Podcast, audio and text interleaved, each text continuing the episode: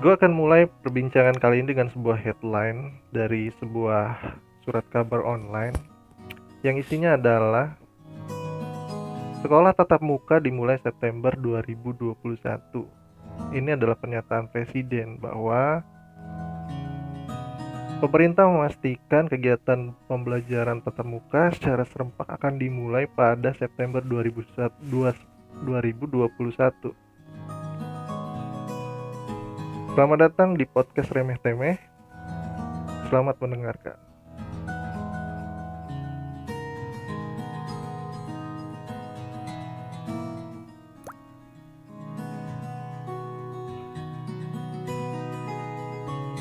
Halo teman-teman semua, nama gue Dendi Dan kali hari ini gue bersama teman gue yang bernama Mahrus Kita akan membicarakan tentang suatu hal yang sudah kita sepakati Biar kesannya nggak dadakan ya. Biar kesannya nggak uh, apa dengan prepare yang bagus. Kita sudah sepakat untuk membicarakan tentang sebuah hal yang menurut gue lumayan fundamental untuk dibahas. Bersama gue dan juga temen gue Mahrus. Hai hai hai hai. Gimana kabarnya Rus? Baik baik baik. Klise banget nanyanya. Pertanyaan basa-basi. Pertanyaan basa-basi padahal udah ketemu. Udah ketemu padahal tapi nggak apa-apa. Tadi gue udah membuka dengan sebuah headline yang cukup menarik buat gue ya ya. Gimana gimana? Uh, bahwa sekolah tatap muka nih akan segera dilaksanakan pada September. Ini udah masuk September tapi fakta yang terjadi di lapangan belum 100% teraplikasi dengan baik ya sesuai dengan ya. jadwal yang ada. Mungkin ya eh, di lapangan kan memang begitu. Mm -mm. Dari atas instruksinya A biasanya kan sampai ke bawah tidak juga A, bisa jadi A minus atau A plus ya. Ah. Tapi memang uh, kebetulan ada saudara juga mulai hari Senin dia sudah tatap muka sih untuk SD dan SMP dan SMA ya setahu saya cuman ya oke okay lah daripada kita lama-lama daring terus uh, siswanya juga bosen terus malah nah. nanti depresi tuh malah untuk anak-anaknya jadi kan nggak bagus tuh untuk generasi mendatang betul tapi ini dia sebenarnya poin yang jadi pertanyaan dalam benak gua apa tuh apa tuh dari sekian peristiwa yang sudah kita alami ini kan pandemi ini kan udah hitungannya udah bukan harian lagi ya bulan terus masuk ke tahun iya yeah. nah terus sekolah online ini kan udah dari kurang lebih awal-awal apa namanya pandemi ya. Iya yeah, 2020 nah, lalu yang jadi pertanyaan gua adalah uh, lalu kenapa sekolah tatap muka lantas menjadi urgensi gitu? Kenapa di tengah-tengah uh, adapta adaptasi yang sulit udah anak-anak udah terbiasa dengan sekolah online lalu dipaksakan kembali untuk uh, sekolah tatap muka maksud gue urgensinya di mana gitu sehingga kalo, gitu maksud kan lo iya iya iya kalau menurut gue sih lebih kepada perkembangan si siswanya sendiri ya karena kan uh, sekolah itu bukan hanya mengajarkan tentang uh, ilmu pengetahuan tentang ilmu eksak ya, hmm. tapi kan ada ilmu sosial di sana. Kita berinteraksi uh, sesama manusia di sana, hmm. kita nakal bareng, kita marah-marahan bareng, kita senang-senang bareng. Nah mungkin itu yang anak-anak uh, sekolah di zaman pandemi yang nggak bisa ngerasain hal-hal yang kita dulu rasain gitu loh, hmm. yang di mana kita senang-senang bareng, bolos bareng mungkin atau nakal-nakal bareng. Nah mungkin urgensinya adalah ke sana bahwasanya uh, sosialnya yang belum uh, mereka serap nih, hmm. yang belum mereka terima nih dari siswa-siswa yang dilanda pandemi Covid ini. Menurut gua akan sangat uh, berbahaya di ke depannya kalau misalnya hal ini terus uh, berlangsung ya daring. Karena kan kalau daring itu terkesan individualistik ya. Karena kita nggak ada temen di rumah aja sendirian. Di rumah aja sendirian terus gimana mau interaksi sama uh, masyarakat uh, yang lainnya gitu teman-teman yang lainnya gimana mau merasakan nakal bareng uh, tuh ah, kayak gimana iya, iya terus iya, iya. gimana udah... mau merasakan hal yang belum pernah dirasakan sebelumnya kalau misalnya cuma daring aja sih. Itu sih kalau menurut uh, gua.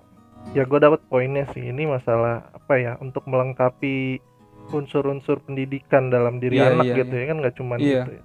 Eh, tapi lu juga pasti mau bilang bahwa sekolah online ini nggak efektif gitu. Ya, bisa dibilang seperti itu. Cuman eh, mau digimana lagi? Karena keadaan kita, karena pandemi Covid ya mau nggak mau ya kita harus melaksanakan hal tersebut ya kan demi eh, memutus rantai Covid. Cuman eh, kalau se kalau ditanya efektivitasnya memang ya tidak efektif ya karena karena kan ini hal baru, Hmm, hal yang belum pernah kita rasakan sebelumnya. Tiba-tiba datang menurut gue sih generasi sekarang nih generasi yang harusnya nanti ke depannya itu adalah generasi yang sangat adaptif ya Hmm. akan perubahan. Kalau kita kan kayaknya di zaman kita tuh ya udah gitu-gitu aja. Maksudnya eh, tidak ada perubahan yang sangat ekstrim gitu yang kita rasakan di zaman kita sekolah. iya, Cuman iya. di zaman yang sekarang nih kayaknya ekstrim banget gitu yang tadinya ketemu temen, pacaran mungkin, terus sekolahnya ada yang kompetitif, ada atau memang dia malas aja ke sekolah, Iya, iya, dia iya. pengen sekolah yang penting dapat duit dan segala macam itu kan nggak dirasain nih sama yang angkatan pandemi nih. iya iya an- Iya kan? angkatan pandemi Iya. benar-benar Kalau menurut gue sih itu sih. ya semoga aja itu ya itu mungkin dari sudut pandang kita sebagai orang-orang yang udah udah melewati pendidikan ya secara formal tapi gue curiga motifnya itu nggak cuman itu gitu maksudnya ada motif remeh-temeh di dalamnya gitu kayak Apa tuh? eh, misalnya orang tua yang beranggapan bahwa ada gitu statement-statement di luar sana yang ah udah sekolah bayar mahal-mahal sekolahnya iya. di rumah doang Iya iya benar. nah terus apa namanya eh, sekolahnya kan nggak di rumah tapi kok biaya pembangunan terus naik Iya, kan suka ada kayak gitu kayaknya sih ini keresahan Nah. semua orang tua dah. Eh, jadi sehingga hal itu menjadi kompleks Iya, iya. gua. Karena di satu sisi mereka pemasukan Mm-mm. eh, drop, flop, Iya. terus tapi di satu sisi lain pengeluaran tetap berjalan gitu ya. Ya, makanya gue bilang kan tadi uh, urgensinya apa Iya. gitu. Kalau kita ngelihat apakah kita akan sama-sama sepakat untuk uh, menaikkan mutu kualitas pendidikan kita dengan era pandemi seperti ini? Ya bagaimana caranya? Nah, itu kan bisa dilihat dari motivasi itu gitu. Iya sih benar benar benar. Kalau kalau menurut gue ya, kalau ningkatin mutu eh, pendidikan di Indonesia itu itu pekerjaan yang berat banget ya. Mm, mm.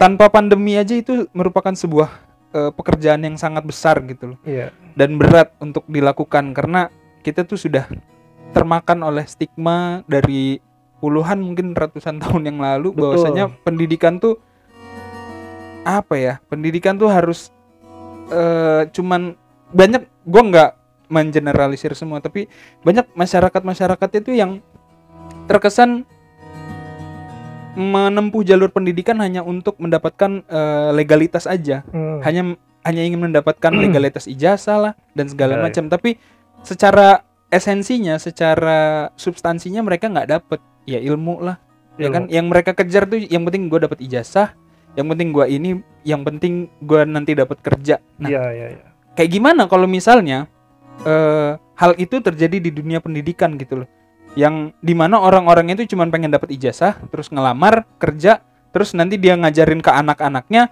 kayak gitu juga hal yang sama. Gimana pendidikan kita mau maju? Gimana eh, kita melahirkan generasi-generasi yang tingkat penasaran itu sangat tinggi yang curiosity-nya itu sangat tinggi Hmm, gitu loh. ya. ya kan? Di- gimana kita ingin melahirkan generasi yang yang memiliki critical thinking yang sangat kritis gitu loh.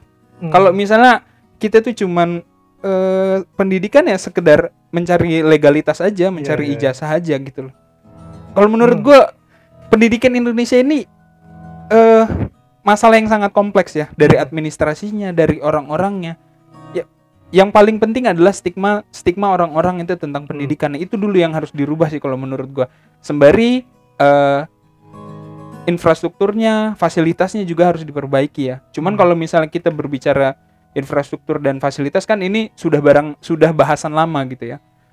Iya, iya. bahasannya sudah dari puluhan yang tahun tahun yang lalu. Mungkin dari sejak orde baru juga sudah ada bahasan bahwasanya fasilitas harus ditingkatkan infrastruktur harus ditingkatkan. Tapi stigma yang melekat pada masyarakat ini tidak juga dirubah gitu loh oleh pemerintah. Nah harapan gue sih ke depan eh, menteri pendidikan yang sekarang itu gue rasa sih membawa semangat baru deh untuk merubah pendidikan ke arah sana di mana stigmanya kalau mau sekolah ya cari ilmu tapi kalau mau cari uang ya kerja gitu loh Hmm. ya kan gimana caranya orang itu seneng gitu dengan ilmu pendidikan gimana caranya orang itu eh, tingkat penasarannya akan sebuah ilmu itu sangat tinggi gitu loh jadi Iya, iya.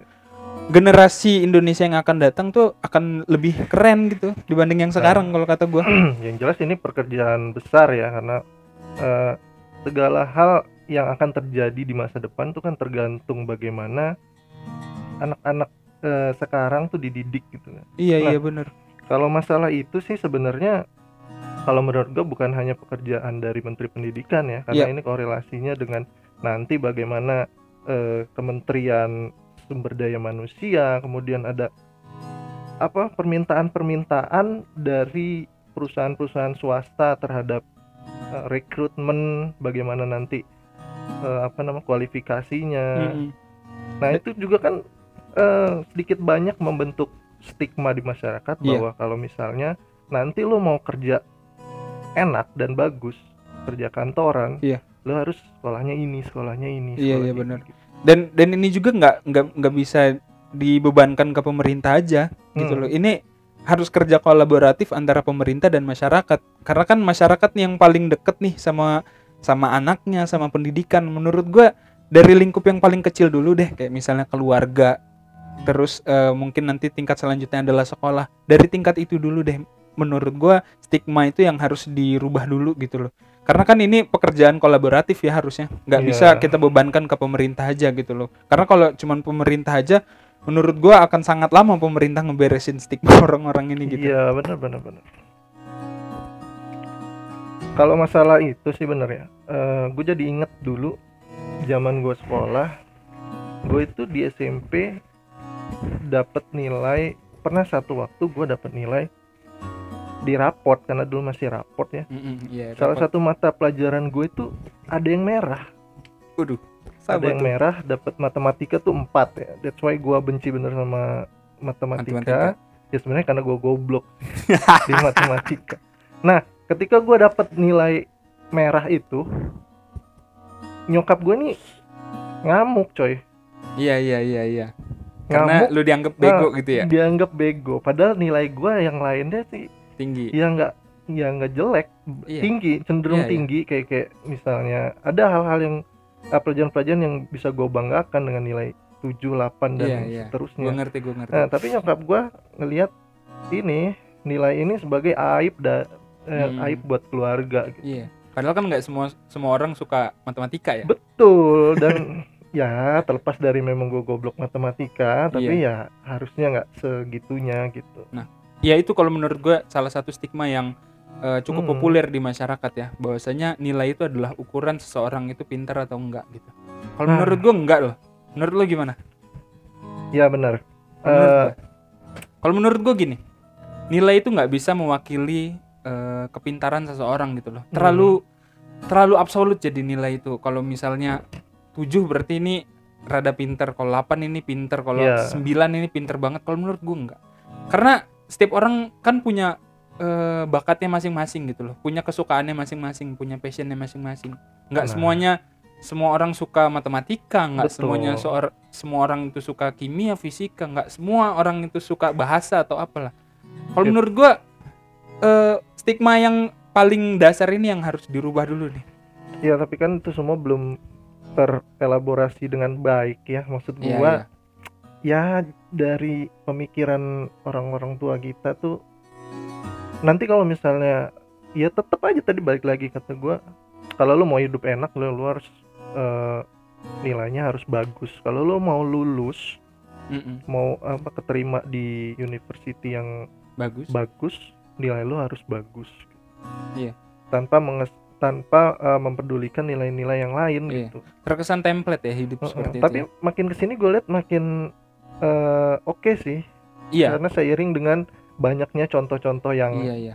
bisa diambil gitu kayak dari atlet Iya. gitu kan kayak dari seni Betul, itu betul. masih Iya, kalau zaman sekarang udah bisa dijadikan contoh ya kalau menurut gue sih orang tuh bisa sukses di mana aja nggak mesti di dunia pendidikan kok kalau menurut gue banyak Ah. kok tokoh-tokoh bahkan orang-orang hebat yang tanpa mengenyam pendidikan pun dia bisa dia bisa survive malah menjadi orang besar loh di dunia ini gitu. Iya, iya. Tapi satu hal nih ya, satu hal yang paling lu benci dari pendidikan di Indonesia apa? Ada nggak? Pendidikan. Kalau gua ada satu Apa hal apa yang gue tuh benci sampai sekarang, Apa tuh? ujian nasional. Dengan sistem yang gua anut pada saat gua sekolah ya. Kalau sekarang kan dulu. udah Jadi dulu sebelum ke ujian nasional, lu berapa paket nih ujian nasionalnya? Dulu kan paket-paket ya. paket. Kalau lu gimana? Kalau apa? gue dulu dulu itu paketnya itu sampai gue lupa lima lima atau berapa gitu. Pokoknya masih udah lama banget ya. Udah ujian nasional udah lama banget gue enggak, lu ketahuan umurnya. kita kan generasinya beda ya. Iya, gua iya. duluan. Nah, Iya. gue itu apes terus. Jadi pada saat zaman gue SMA dan ujian, itu Mhm. tuh pada saat trial ujian nasional pakai passing grade. Wow. Jadi pada saat itu kan passing grade kalau nggak salah 3,5 atau 4,5 gitu. Mm-mm. Nah, itu tuh trial di, ta- di tahun gua yang mana sistemnya gini. Ada tiga mata kuliah krusial yang harus di eh mata kuliah lah. Mata pelajaran, Mata pelajaran. krusial yang Ah. harus diujikan dan ketiga-tiganya itu harus lulus. harus lulus. Oh iya, gue Iya juga kan? kayak gitu. Iya bener. Nah, baru seterus seterusnya kan menyesuaikan kan. Iya, Ini- iya, Ini benar, tuh jadi kayak ininya apa?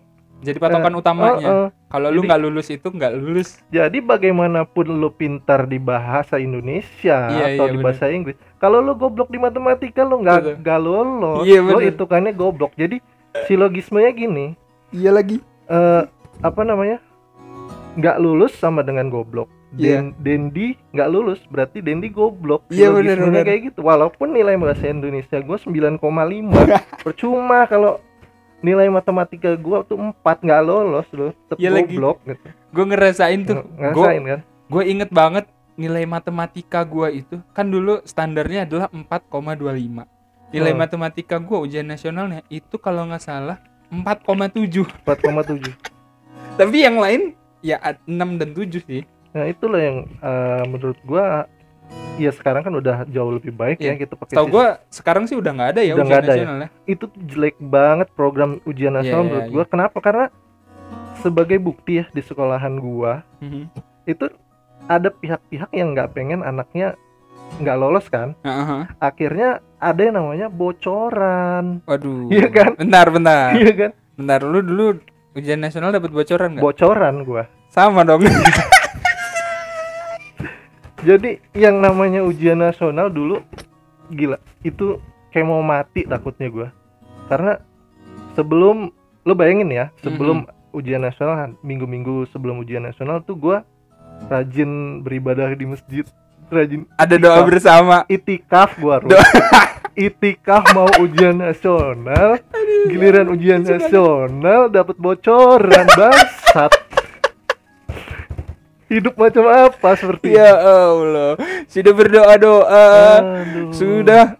Sudah me- memberikan yang terbaik Ah, ah. dalam dalam hal ibadah. Ternyata curang juga di yang akhir ada di pikiran gua ketika gua nggak lulus ya gua dicoret dari kakak. Bagaimana gua tidak setengah mati ketakutan gitu. Sampai ada eh, waktu mau ujian nasional di hari hanya tuh minggunya itu kan ujiannya hari Senin. Iya iya di hari minggunya itu ada SMS dari salah satu eh, temen lah.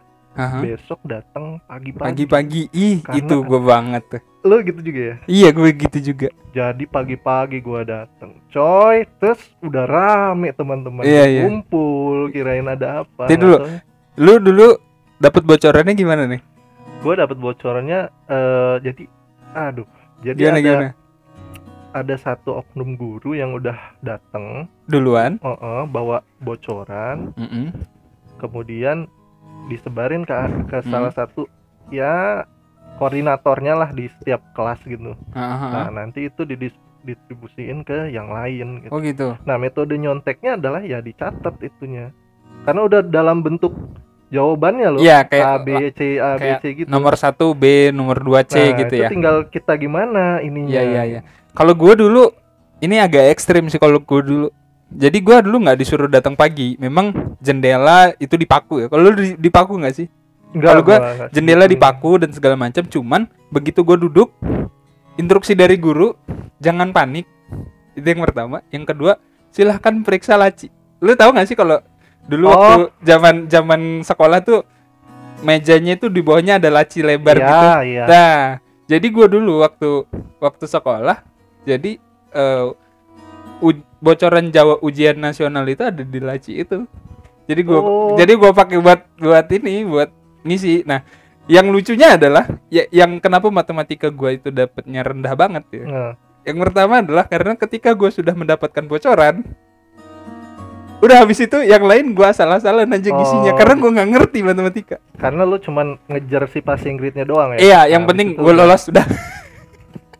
Iya iya iya iya. Ada juga teman-teman gua yang nah, teman-teman gua ada yang sok pinter. Jadi udah dapet bocoran dia tuh kayak sok ini loh apa nge- ngecek lagi gitu. Kayak sok ngecek lagi eh, nggak percaya dengan soal apa jawaban bocoran itu. Hmm. Akhirnya dia bikin jawaban sendiri yang mana itu buat nilai dia kecil. Ih, di di di so buat pinter. apa? So So pinter Anda. Anda Ih, buat di, apa? di, di. kita Memang. kita, kita da- sedang dalam persekongkolan jahat. Ini Kenapa memang, anda belok gitu? memang mencontek itu tidak baik. Tetapi kalau kepepet tidak apa-apa. Mencontek itu tidak baik, tapi kalau dilakukan beramai-ramai itu jadi sebuah kesepakatan. Tapi pernah nggak sih lu di sekolah dulu waktu SMA atau SMP gitu ada orang yang pelit gitu sama contekan gitu. Anjir.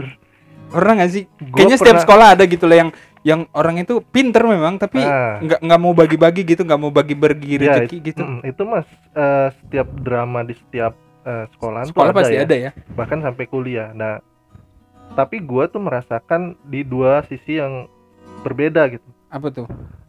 Yang dicontek dan yang mencontek. Ada Hmm. kalanya gua bener-bener belajar karena itu pelajaran kan sukaan gua gitu. Jadi gua Iya, iya. belajar, Betul betul. Ada Ah. tuh gue juga. gua kuasain itu yang mana pas soalnya datang tuh gua Langsung tahu gue kerjain jawabannya. ya. Dan di situlah muncul ego-ego anjir gua udah susah-susah belajar si anjir mau minta kan nggak rela ya Iya bener bener. jadi gua ya diving gua pura-pura nggak tahu gitu tapi ada kalanya gua itu meronta-ronta memohon pertolongan dari temen juga gitu Kalau kalau gue sih lebih kepada orang yang baik ya. Anjay. Gue nggak benar. Maksud gue, gue tuh eh, dulu waktu sekolah ya bisa dibilang cukup berpengetahuan ya. Nah, Gue nggak bisa bilang cukup pinter ya, karena banyak yang lebih pinter daripada gue. iya Cuman memang ketika ujian, ketika ujian gue tuh adalah orang yang eh, suka memberikan jawaban kepada teman. oh iya Yang pertama adalah membantu, yang kedua adrenalin ya. Karena kan Ah, karena itu kan dia. ini menguji adrenalin kita sebagai Mm-mm. siswa. Gimana caranya kita nyontekin tanpa ketahuan sama Itu. petugas penjaga ya, Heeh, pengawas benar-benar pengawas ujian. Nah, itu menurut gua sebuah adrenalin yang cukup seru dulu waktu benar, benar, benar. waktu gua sekolah ya. Tapi hal yang paling menyebalkan adalah kita kan punya adrenalin yang sama gitu ya, takut ketahuan. Iya. Tapi jika ketahuan, Gua pernah lagi jika ketahuan ketahuan kita kan dalam posisi yang memberikan si anjing sedekah gitu kan. Kita ketangkep juga gitu. Kita kan yang sedang Gua memberikan pernah tuh, gua- donasi, kita yang ketangkep juga. Itu kan kayak nggak fair aja gitu kan. Ya gue pernah lagi itu, gue pernah. Gua pernah ya. Ya mungkin hal ya ini nggak baik memang eh, apa tentang contek mencontek Ah. atau apa. Cuman memang ini adalah dinamika yang terjadi di sekolah Benar. gitu, nggak bisa dihindarin gitu loh. Mm-mm. Yang gue bilang di awal tadi bahwasanya sekolah itu bukan hanya eh, kita belajar ilmu pengetahuan, Iya, tapi iya, kan iya. ada ada interaksi sosial nih antara teman-teman kita dengan kita gitu loh. Nah ini yang akan menjadi cerita kan di kemudian hari gitu loh yang Betul, betul. yang di mana cerita ini ketika nanti kita udah besar kita sudah melewati masa-masa masa-masa sekolah menjadi terisa- cerita yang sangat seru untuk diceritakan Iya, gitu iya, loh ya iya, bersama iya. teman-teman. Ya mungkin ini nilai-nilai yang Ya. eh, Nah mungkin ini yang nggak ada nih kalau kalau misalnya sekolah itu terus daring gitu loh. iya, ada- gimana di- caranya? Di cerita yang akan datang tidak ada orang mencontek, Oh, oh. tidak ada, tidak Dan ada. bagaimana juga cara mencontek online gimana?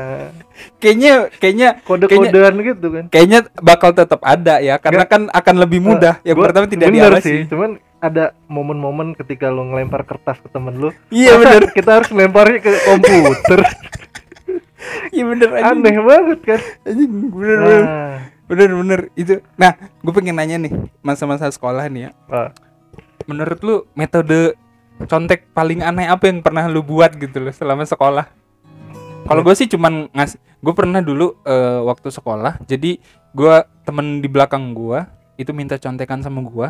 Terus ya paling gue tuker ini aja lembar jawaban sama dia dan itu Oh. menurut gue horor ya. Karena kan gue harus balik ke belakang Oh. gitu kan. Sedangkan pengawas tuh lagi di depan. Itu horor banget tuh mm-mm. kayak gimana caranya gue bertuker ini lembar jawaban tanpa ketahuan si Ah, pengawas ah, tuh ah. itu deg-degan banget tuh Iya, waktu iya, itu iya. kalau lu gimana deh kalau gua gua sangat terinspirasi dengan film Boboho waduh yang pada zaman kita sangat sering diputar di televisi waduh waduh, sial. waduh, waduh. jadi kan ada eh, ada adegan dia itu nyontek ya nyontek Iya, di iya. kelas dengan berbagai macam cara Iya. cara yang paling gua populer yang paling gua suka adalah dengan mencatat di kertas Iya. yang mana setelah gua pikir-pikir itu kan sama aja gua ngapal ya Iya. itu kayak metode itu kayak cuma gitu. Akhirnya gue bikin kopelan itu yang sering gue lakukan ya. Iya iya. bikin kopelan gue selipin di di mana Ba- tuh? baju. Baju itu kan ada eh, sela-sela jahitan ya. Iya, iya, gue masukin situ oh lu masukin situ. Ketika bukanya ya adrenalin coy. Adrenalin. lah. Iya di situ memang sense of criminal. Sangat diuji. Iya lah sekarang adrenalin apa yang bisa dipacu oleh Iya, iya, oleh benar-benar.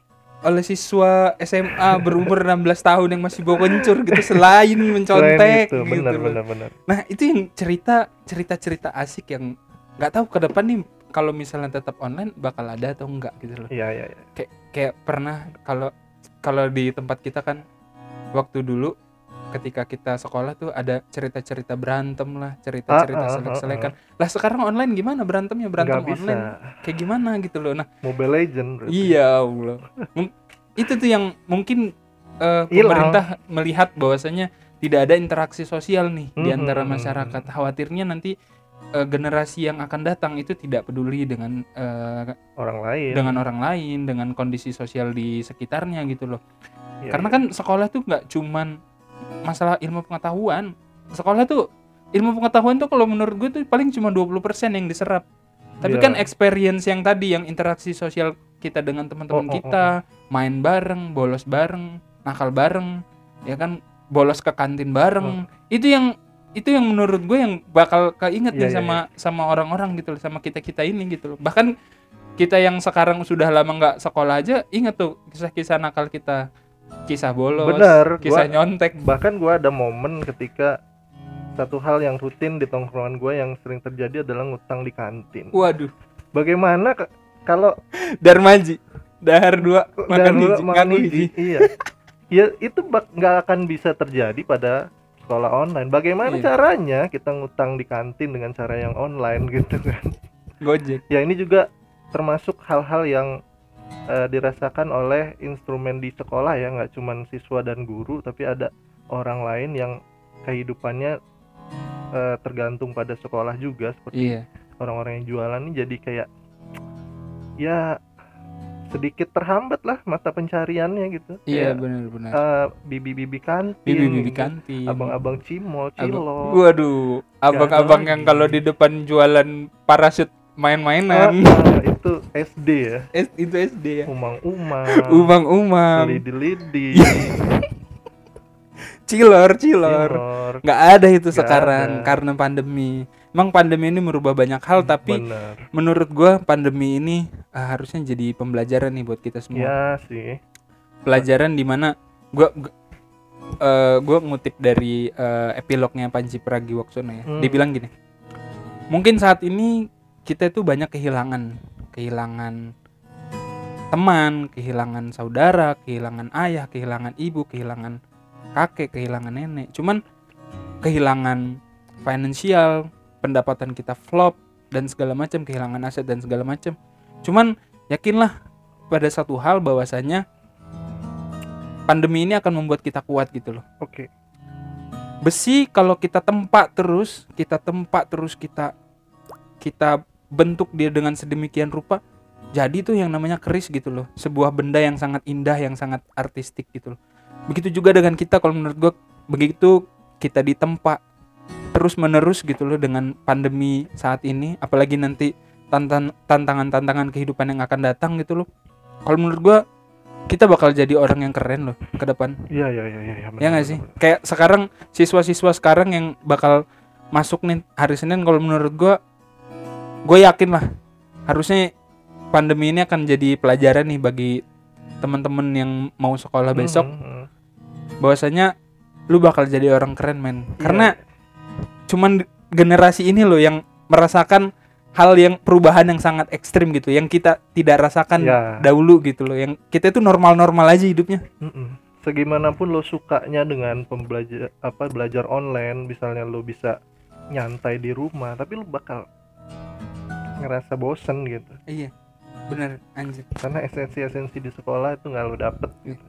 gue sih itu sih kalau Hmm. dari gue eh, sekolah sekolah itu sekolah offline gue sangat mendukung dari pemerintah ya tetap harus menjaga prokes ya karena kan pandemi covid ini Hmm. sepertinya akan lama sepertinya kita akan berdampingan pandemi covid dengan Iya. pandemi covid terus ketika sudah bertatap muka gue harap harapan gue adalah eh, sistem pendidikan di Indonesia akan jauh lebih baik Oke. mudah-mudahan podcast ini bakal eh, tersambung Ya, kepada orang tua orang tua di sana bahwasanya stigma stigma dulu yang kita rasakan waktu sekolah ayo dong kita rubah gitu loh Hmm. kita sama-sama nih kolaboratif sama negara sama pemerintah untuk membangun pendidikan Indonesia yang lebih baik untuk membangun pendidikan Indonesia yang lebih keren sehingga dari pendidikan yang baik dan keren itu akan memunculkan generasi-generasi yang keren Benar, itu sih kalau menurut benar. Gua selalu benci dengan eh, stigma orang-orang yang mengatakan bahwa em, pelajaran di sekolah mah nggak akan ada gunanya pada saat lo kerja nanti. nah no no no kalau menurut gue sih enggak Enggak, enggak. Karena teori dan kurikulum yang dipakai dan disusun oleh pemerintah itu akan berkesinambungan dengan apa yang ada di masyarakat gitu. Jadi Hmm. nggak akan percuma. Jangan sampailah ada kayak gitu kayak gitu. Kalau menurut gue sih bukan percuma ya, eh, bukan eh, apa yang kita pelajari itu bakal percuma. Mungkin memang nggak ada memang nanti di pasar kita suruh ngitung kalkulus dan segala macam. Ya, Cuman yang diajarkan oleh sekolah adalah cara kita berpikir untuk menjalani hidup ini gitu loh. Kerangka berpikirnya itu sudah ditanamkan. ya, ya. Melalui ya. pendidikan. Bagaimana Nah, cara memecahkan Iya, solusi? kalau menurut gua, kalau misalnya pendidikan sistem pendidikan Indonesia ke depan itu lebih keren, gua rasa kerangka berpikir generasi-generasi yang akan datang itu akan menjadi lebih keren. Itu sih. Ya udahlah gitu aja ya. Iya, Ini kayaknya udah cukup panjang. iya. Kita udah ngalor ngidul Mm, mm, mm. soal waktu dulu zaman sekolah seperti apa, nakalnya kita seperti apa. Kemudian kita ngebahas stigma-stigma pendidikan nih di masyarakat. Mm, mm. Keren sih kalau menurut gua. ya oke lah Eh, terserah kalian mau anggap ini adalah obrolan yang remeh-temeh atau yang fundamental sekalipun itu tergantung persepsi kalian. Yang jelas gue mau nutup eh, podcast ini dengan sebuah kata-kata dari Ki Hajar Dewantara yang dia berkata sekolah itu di mana aja dan guru itu siapa aja. Sampai jumpa di episode selanjutnya. Anjay. oke